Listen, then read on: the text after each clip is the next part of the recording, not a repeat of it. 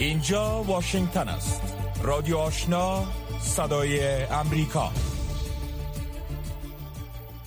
شنوندگان عزیز سلام. شب همه شما بخیر. حفیظ آصفی هستم و با همکارانم برنامه خبری ساعت رادیو آشنا صدای امریکا را تقدیم می‌کنیم. در سرآغاز برنامه خبری ساعت توجه کنین به تازه ترین خبرهای افغانستان منطقه و جهان که احد عزیززاده تقدیم می‌کنم. با عرض سلام. هیئت معاونت سازمان ملل متحد در افغانستان یونما با مناسبت یک سالگی ممانعت دختران بالاتر از سنف ششم به مکاتب گفته است که ادامه محرومیت دختران به آموزش غمانگیز و شرماور است. پس از آن که گروه طالبان یک بار دیگر بر افغانستان مسلط شدند دروازه های مکاتب متوسطه و لیسه را بروی دختران مسدود کردند و با وجود تعهدات مقامات این گروه برای بازگشایی مکاتب یک سال است که دختران از فراگیری آموزش محروم نگه داشته شدهاند. مارکس پوتسل سرپرست یونما در کابل روز یک شنبه 18 سپتامبر در اعلامیه گفت که محرومیت مداوم دانش آموزان دختر هیچ توجیه معتبر نداشته و مشابه آن در هیچ جای دنیا وجود ندارد. آقای پوتسل افزوده است که ادامه این وضعیت برای نسلی از دختران و آینده افغانستان زیانبار خواهد بود. وی افزوده است این یک سالگرد غمانگیز شرماور و کاملا قابل اجتناب است. یونما همچنان گفته است که با آنکه مکاتب به تاریخ 18 ماه سپتامبر سال 2021 بر روی پسران باز شد مقام های طالبان دستور دادند که دختران در خانه بمانند و از آن زمان تا کنون هیچ اقدامی در این زمینه صورت نگرفته است یونما تخمین می‌زند که در جریان یک سال گذشته بیش از یک میلیون دانش آموز دختر از رفتن به مکاتب متوسطه و لیسه در این کشور منع شده اند. وزارت خارجه حکومت طالبان از درگیری های مرزی میان نیروهای تاجیکستان و قرغیزستان ابراز نگرانی کرده و گفته است که به خاطر تلفات وارد شده به دو طرف اظهار تأسف می کند. عبدالقهار بلخی سخنگوی آن وزارت روز یک شنبه 18 ماه سپتامبر در خبرنامه گفته است که این درگیری ها سبب ایجاد مشکلات و غیر نظامیان در دو طرف مرز شده و نیز در قرغیزستان هزاران غیر نظامی مجبور به ترک خانه هایشان شده اند. در خبرنامه آمده است امارت اسلامی از دو طرف می خواهد که مشکلات سرحدی را از راه مذاکرات و تفاهم حل کند. ادامه درگیری ها می تواند روی امنیت و ثبات منطقه تأثیر منفی گذارد. مردم دو طرف مرز نباید قربانی و یا مجبور به ترک محل شوند. این در حال است که از چند روز بدین سو جنگ میان مرزبانان تاجیکستان و قرقیزستان در مرز میان دو کشور جریان دارد. با وجودی که پس از تشدید درگیری های مرگبار در مرز مورد مناقشه قرقیزستان و تاجیکستان آتش بس اعلام شده بود اما چند ساعت بعد هر دو کشور یکدیگر را به نقض آن متهم کردند. حکومت طالبان می‌گوید که در مورد ویدیوهای تحقیقات را آغاز کرده که در آن ظاهرا تعدادی از جنگجویان طالبان در حال اعدام شماری از زندانیان دیده می شوند. وزارت دفاع حکومت طالبان می‌گوید اگر ثابت شود که ویدیوهای تیرباران زندانیان جبهه مقاومت توسط جنگجویان طالبان در ولایت پنشیر تازه است کسانی که این افراد را کشتند به طور قطع به پنجه قانون سپرده خواهند شد از چند روز گذشته بدین سو ویدیوهای در شبکه های اجتماعی دست به دست می شود که در آن ادعا شده جنگجویان طالبان ظاهرا شمار از اسرای مربوط جبهه مقاومت در ولایت پنشیر را تیرباران می کنند. ارقام حکومت طالبان نشان می دهد که 70 درصد گداهای گردآوری شده از نقاط مختلف شهر کابل را زنان تشکیل می دهند. جزئیات بیشتر را از نسرین محمود عزیزی مشنوید. معاونیت اقتصادی ریاست وزرای حکومت طالبان روز یک شنبه 18 سپتامبر با نشر اعلامیه گفت که 6900 گدا از نقاط مختلف شهر کابل جمع آوری شده که از این میان 4617 تن آنها زنانند. در اعلامیه آمده است که از جمله این زنان تنها 1231 تن آنها مستحق شناخته شدند و متباقی گداهای حرفه‌ای هستند.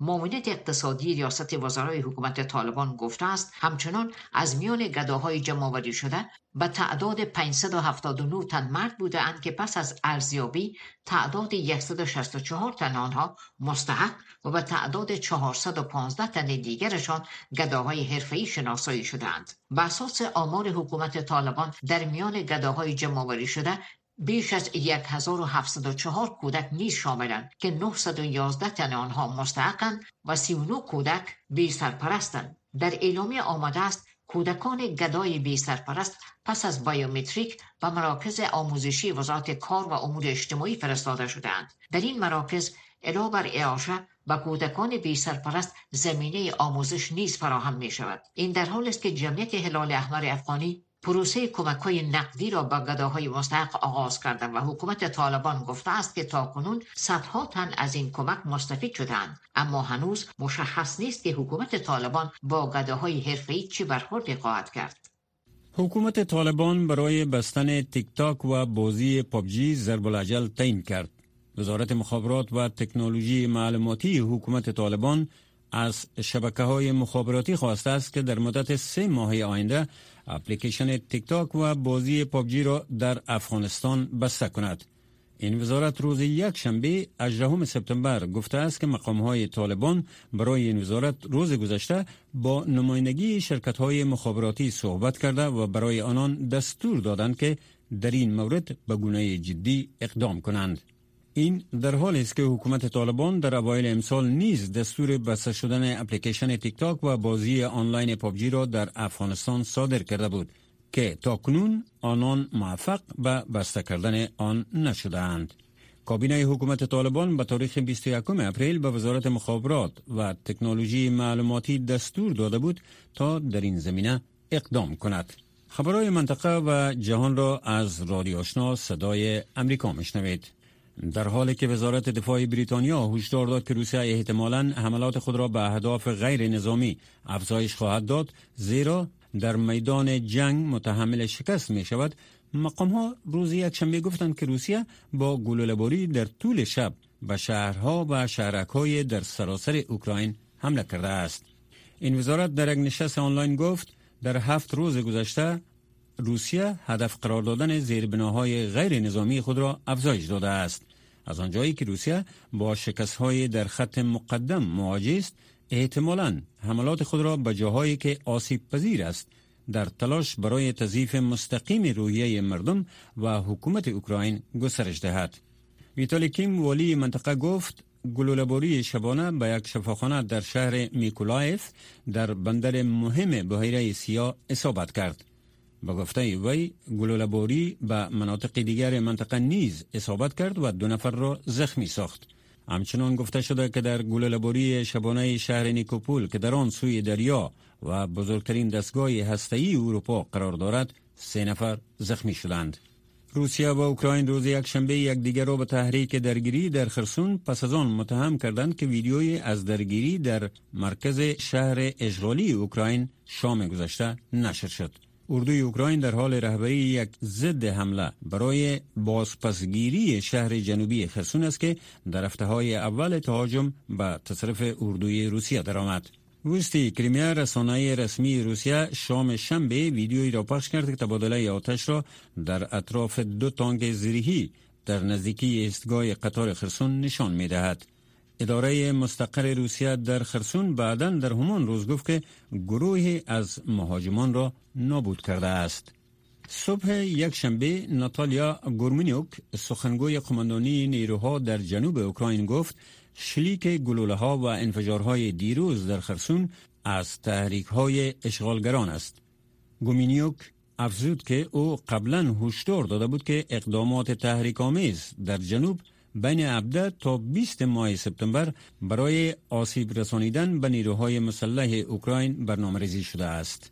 هزاران تن از منصوبین پلیس، صدها اسکر و نظامی روز یک شنبه آخرین تدارکات را برای تشییع جنازه ملکه الیزابت دوم انجام دادند. جو بایدن رئیس جمهوری ایالات متحده و دیگر مقام های بلند پایه برای مراسم خاکسپاری جنازه ملکه الیزابت دوم که در آن حدود 500 تن از اعضای خانواده سلطنتی سران کشورها و سران حکومات از سراسر جهان دعوت شدهاند وارد لندن شدند.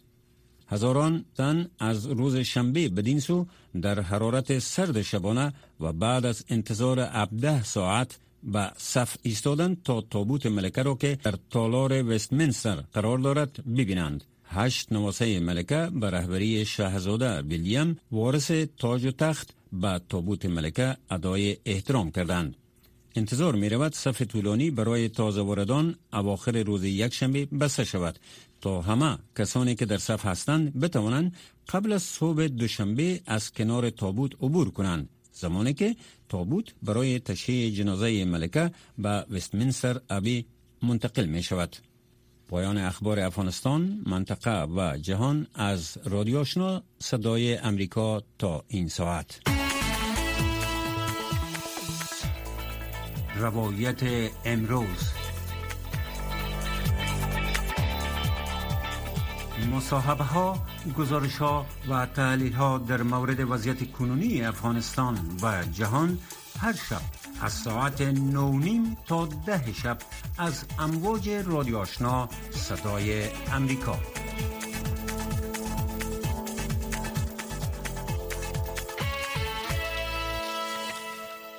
خبرهای افغانستان منطقه و جهان از رادیو آشنا صدای امریکا شنیدین آل هم گزارش های ای برنامه.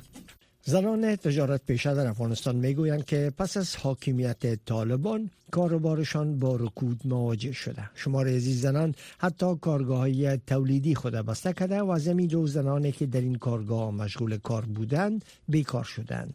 جزیات بیشتر را در این گزارش میشنوین زنان تجارت پیشه افغان همانند دیگر زنان تا یک سال گذشته زندگی دشوار را تجربه کردند. از نبود بازار گرفته تا توقف شرکت های تولیدی ایشان. اتاق تجارت و صنایع زنان از بسته شدن 130 شرکت تولیدی مواد خوراکی و صنایع دستی زنان در کابل و ولایت خبر می دهد. رویا حافظی سرپرست این اتاق با بیان این که بسته شدن این شرکت ها دلایل مختلف دارد به صدای امریکا گفت که با تغییر وضعیت سیاسی شماری از زنان به دلیل ترس شرکت هایشان را بستند و از افغانستان بیرون شدند. خانم حافظی افزود. تعدادی هم به خاطر که بسته بودن بانک ها بودن یا مسدود بودن ذخایر مالی قیمت بودن نرخ مواد خام و همچنان نبودی بازار عدم دسترسی به تمام مواد اولیه اینا نتونستن که کاربار شرکت خود اینا پیش ببرن و به همین دلیل اینا شرکت های خود بسته کرده بودن. اتاق تجارت و صنایع زنان افغانستان نابزیر به این است که باید 100 درصد در امر زنان تجارت پیشه را همکاری بکنن اما به گفته خانم حافظی به دلیل اینکه شماری از زنان در مؤسسات و ادارات قبلا کار می‌کردند و با تغییر نظام سیاسی در افغانستان بیکار شدند اکنون علاقمندی به تشبس و تجارت در بین زنان چهل درصد افزایش یافته است و با گشایش دوباره این اتاق در ماه فبروری سال روان میلادی و تلاش های این اتاق وضعیت کاروبار زنان تجارت پیشه رو به بهبود است.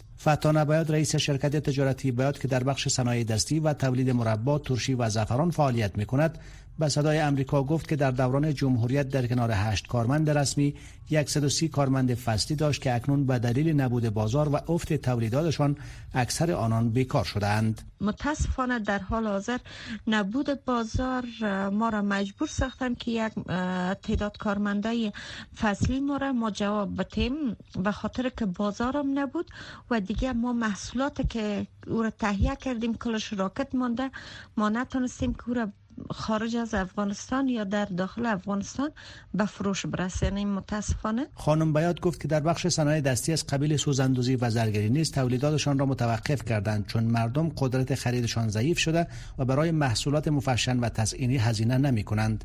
این شرکت بر علاوه کابل در قندهار، هرات و غزنی نمایندگی هایش را به دلیل نبود بازار بسته است و همچنان یک نمایندگی آن در ازبکستان و یک وبسایت فروشات آنلاین این شرکت در آلمان نیز به دلیل نرسیدن کالاها بسته شده است. ناجیه تولید کننده مواد غذایی در ولسوالی چهارآسیاب کابل به صدای آمریکا گفت که در نظام قبلی پروژه های مختلف برای حمایت از زنان متشبس وجود داشت اما اکنون این پروژه ها متوقف شده است. قبلا خوبتر بود. به خاطر هم شرکت ها سه چهار شرکت امرای قرارداد کرده بود. در ماه یک لک دلک می‌شد.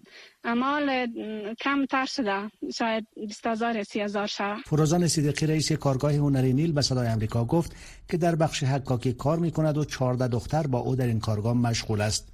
خانم صدیقی گفت که تا یک سال گذشته بازارهای محصولات وی به شدت با رکود مواجه شده است. تولیدات ما قبلا زیاد برای خارج از کشور هم ارسال می‌کردیم اما حالا فعلا مشکلات اقتصادی که داریم نمی‌تونیم که اینا را به بیرون از کشور برسانیم. اقتصاد مردم بسیار ضعیف است اینا نمی‌تونن خریداری کنن. با وجود که ما قیمت ها را بسیار زیاد پایین آوردیم اصلا نفع خود در نظر نگرفتیم. فقط مواد چوب گفتیم قیمتش برایت و پولش. دیگه بازار خراب است و ما کار می‌کنیم اما امید داریم که خوب شود آرزو رامین کارشناس صنایع دستی در وزارت اطلاعات و فرهنگ حکومت طالبان به صدای امریکا گفت که آنان تلاش می کنند برای بازاریابی محصولات تولید شرکت های تجارتی زنان نمایشگاه های داخلی را برگزار کنند. خانم رامین نیست تاکید کرد که زنان تجارت پیشه به حمایت حکومت نیاز دارد خانم های متشبس ما به یک جای دائمی بازار دائمی اینا ضرورت دارن. می‌خواین که یک جای دائمی بهشون مد نظر گرفته شود. اینا چون کسایی هستند که در یک سال تولات اقامت دکانا داشتن. اینا می‌خواستن مال خود به فروش میرساندن. اما مال چون فروشاتشان نیست مال خود یا گرفتن بردن به خانه خود ماندن. با این حال حکومت طالبان در پالیسی اقتصادیش فعالیت زنان تجارت پیشه را پیش بینی کرده است تا در ساختارهای اقتصادی افغانستان با توجه به الزامات حقوقی و رعایت اصول اسلامی نقششان را ایفا کنند. شنوندگان گرامی رادیو آشنا صدای امریکا نشرات رادیو آشنا را در موج متوسط 1296 موج کوتاه 11575 اشاری صفر و در موج 972 کیلوهرتز شنیده می توانید. موشی عمومی سازمان ملل متحد و هیئت معاونتی سازمان در افغانستان یا یوناما همزمان با یک سالگی بستماندن مکاتب متوسطه و لیسه دختران در افغانستان توسط طالبان انتقاد کرده و او را غمانگیز خواندند. در رابطه به اینکه آیا طالبان در صورت بقای حاکمیتشان به کادرهای تعلیم یافته و مسلکی زن نیاز نخواهند داشت نسرین محمود عزیزی مصاحبه با خانم سبینا حمیدی فعال حقوق بشر با حقوق زنان انجام داده که اینک تقدیم میشه. خانم سبرینا چرا دخترها برای یک سال در تاریکی نگاه داشته شدن؟ آیا این مسئله جنبه شرعی داره یا سیاسی؟ واقعا همین ما ما شاید دیدیم که اضافتر از یک سال میشه که مکاتب دوران متوسطه و لیسه روی دخترها محدود می باشه و در این مدت زمان یک سال انتظار را که کشیدن مشترایی را که جامعه جهانی بر طالبان داده. و هیچ گونه تغییر در تصمیم از یا و در ارادی شان نامد تا اندازی که من مطالعه دارم و تا به اندازی فهم خود هیچ گونه مشکل شرعی در قبال حق تعلیم خانما وجود نداره. و ما می‌بینیم در کشورهای دیگه اسلامی که نظام های اماراتی رو ما می‌بینیم نظام های جمهوری رو ما می‌بینیم نظام های رو ما می‌بینیم. به هیچ گونه نظام چنین روشی وجود ندارم مثل روشی را که طالبا اختیار کردن. منطقه ما دیدیم که با امو تعودی که یا کرده بودن به اون تعود عمل نکردن. و یا رای دیگه را پیش گرفتن. روز به روز زنان واشیه کارشان نمیشه داخل کارشان محروم میشه داخل تحصیل و تعلیمشان محروم میشه در قبال دستاتی به اختیارشان برشان مشکلات ایجاد میشه طبعا این جزء از امو پلان و اجندای با مذرت حرف شما را قطع می‌کنم. در صورتی که حاکمیت طالبان بقا پیدا کنه آیا خودشان به کدرهای علمی و مسلکی زنها به خصوص در امور سیاسی و امور اجتماعی ضرورت نخواد داشتن؟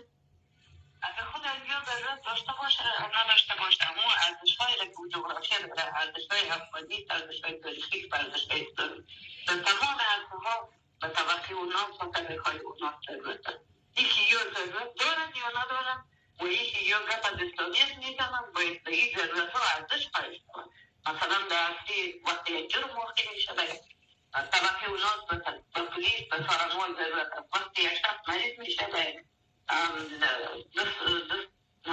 دفتر اوناس و طبیب اوناس ضرورت داره وقتی به یک اداره دیگه خانم مراجعه می‌کنه او به یک طبقه اوناس ضرورت داره ما نمی‌تونیم مثلا تلاشی بدنی خانم توسط در هیچ گوشه دنیا به این شکل نیست توسط یک مرد پیش برد اما ارزش های که یا پابند مثلا میگن که ارزش های کلتوری و ارزش های اسلامی اگر ما توجه است توجه به او ارزش ها شود در تمام و واقع یا به او ارزش ها پابند باشد در تمام ارزش و طبقه مناسب و پلیسی خود از این رو میگه. این خب ما می‌بینیم میگه همین فعالیت های سیری زیاد نمایش نشان میده. روز به روز ما از تمام ارزش بدون سکتور صحت و یک تعداد بسیار محدود سکتور معرف و هم در دوره ابتدایه روز به روز آشیه کشان نمیشه و به شکل پلانیزه به شکل سیستماتی به تحصیل اشکال مقابل طبقه مناسب جز داره.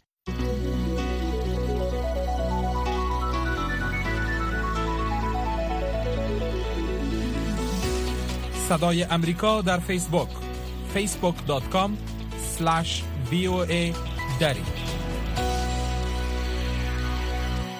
رسانه های عربی گزارش دادند که حمله هوایی اسرائیل به ذخیره تسلیحات در مجاورت میدان هوایی دمشق کم از کم پنج سرباز سوریه و دو جنگجوی شبه نظامی طرفدار ایران از پا درآورده.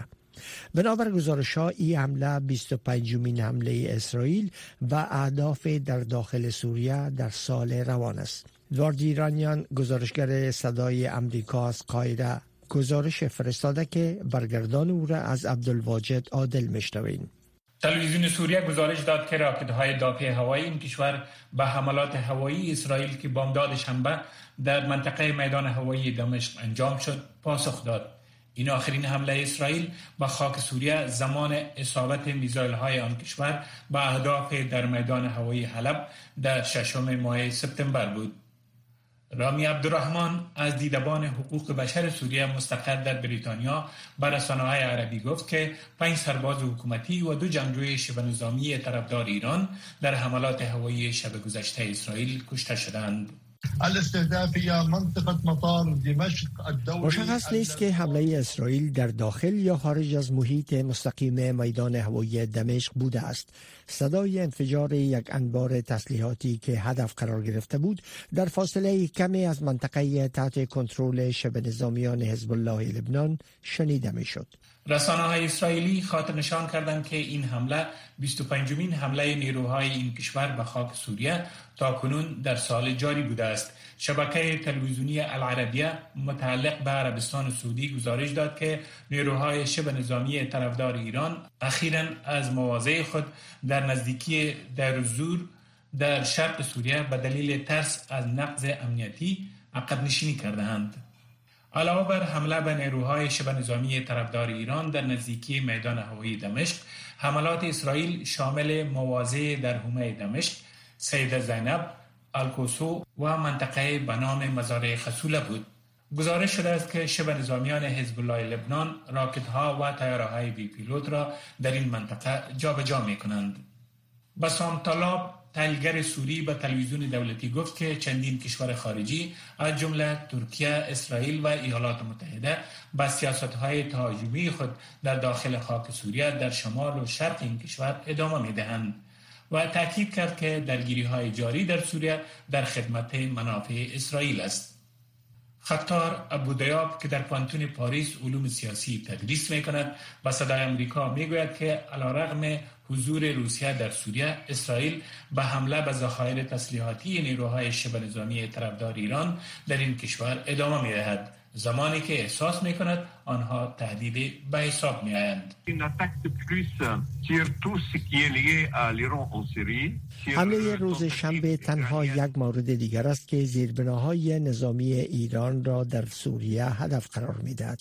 از جمله تلاش های تهران برای تامین میزایل های هدایت شونده دقیق و سایر تسلیحات از مجتمع نظامی ایران در سوریه و جاهای دیگر به حزب الله لبنان.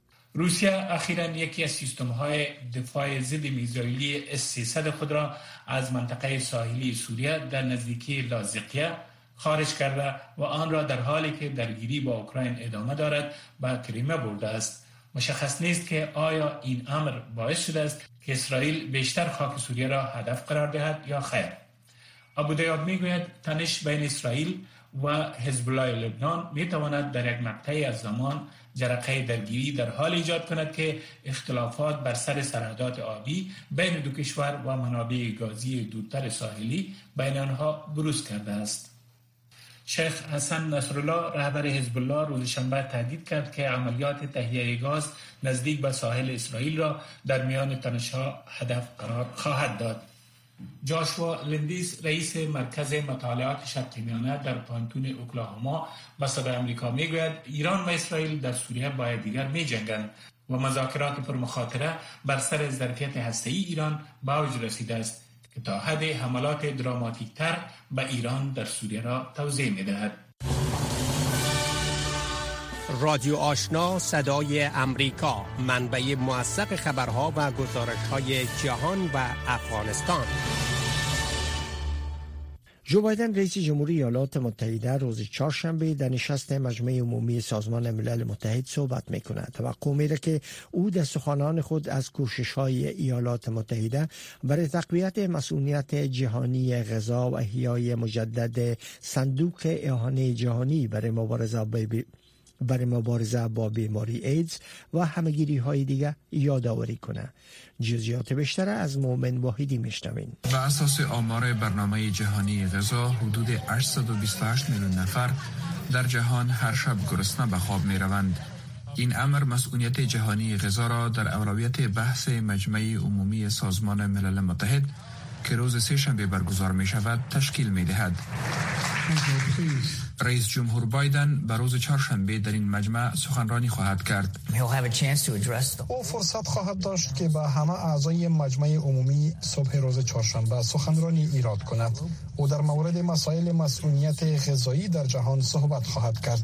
مسئولیت غذایی که از اثر جنگ در اوکراین به یک مشکل حاد تبدیل شده است. بایدن تلاش خواهد کرد تا تعادل بین منافع ایالات متحده و متحدین اروپاییش را در حمایت از اوکراین و به انزوا کشانیدن روسیه در حال حفظ کند که بقیه جهان با مشکلات بیشمار مواجه است. در اوایل امسال دیپلماتان اروپایی به طور مشخص از همتایان افریقایی و آسیایی خود خواستند که در ملل متحد از اوکراین حمایت کنند. ولی نشان ندادند که آیا با نگرانی های آنان در مورد مسئولیت غذایی و شکوه اقتصادی وابسته به این جنگ گوش فرا می دهند یا نه.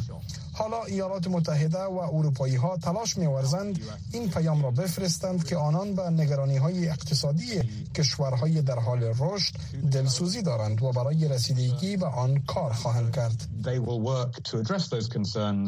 برای رسیدگی بیشتر به این معضل قرار است انتونی بلینکن وزیر خارجه ایالات متحده به روز سه شنبه نشست را در مورد مسئولیت جهانی غذا در حاشیه نشست مجمع عمومی میزبانی کند.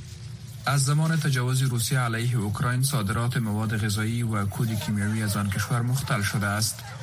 این امر قیمت مواد غذایی در جهان در حال بهبود از همگیری را بلند برد و ملل متحد را در هدف تعیین شدهش که همانا به صفر رساندن گرسنگی تا سال 2030 بود. ناکام کرد. ما باید در زراعت و خصوص در سیستم های مواد غذایی سرمایه گذاری کنیم تا بتوانیم چیزهایی را در سیستم های مواد غذایی طور تغییر دهیم که بیشتر فراگیر شود تا مردم فقیر بتوانند از آن نفع ببرند. قیمت مواد غذایی پایین باقی بماند و قابل دسترسی باشد و نیز تولید مواد غذایی ثابتتر و متداومتر شود. صحت جهانی یکی از اولویت های دیگر حکومت امریکا است. چون طوری که کووید 19 به ما نشان داد تهدیدات صحی جهانی مرزها را نمی شناسد ما باید کووید 19 آبله میمون و دیگر امراض ساری را تحت کنترل بیاوریم و این کار را باید با هم انجام دهیم. بایدن به روز چهارشنبه همچنان یک کنفرانس در مورد صندوق اعانه بین المللی برای مبارزه با ایدز، توبرکولوز و ملاریا را نیز میزبانی خواهد کرد. صندوق اعانه برای مبارزه با ایدز به 18 میلیارد دلار نیاز دارد. ایالات متحده وعده کمک 6 میلیارد دلار کرده و از این مبلغ 2 میلیارد را تا این دم پرداخته است.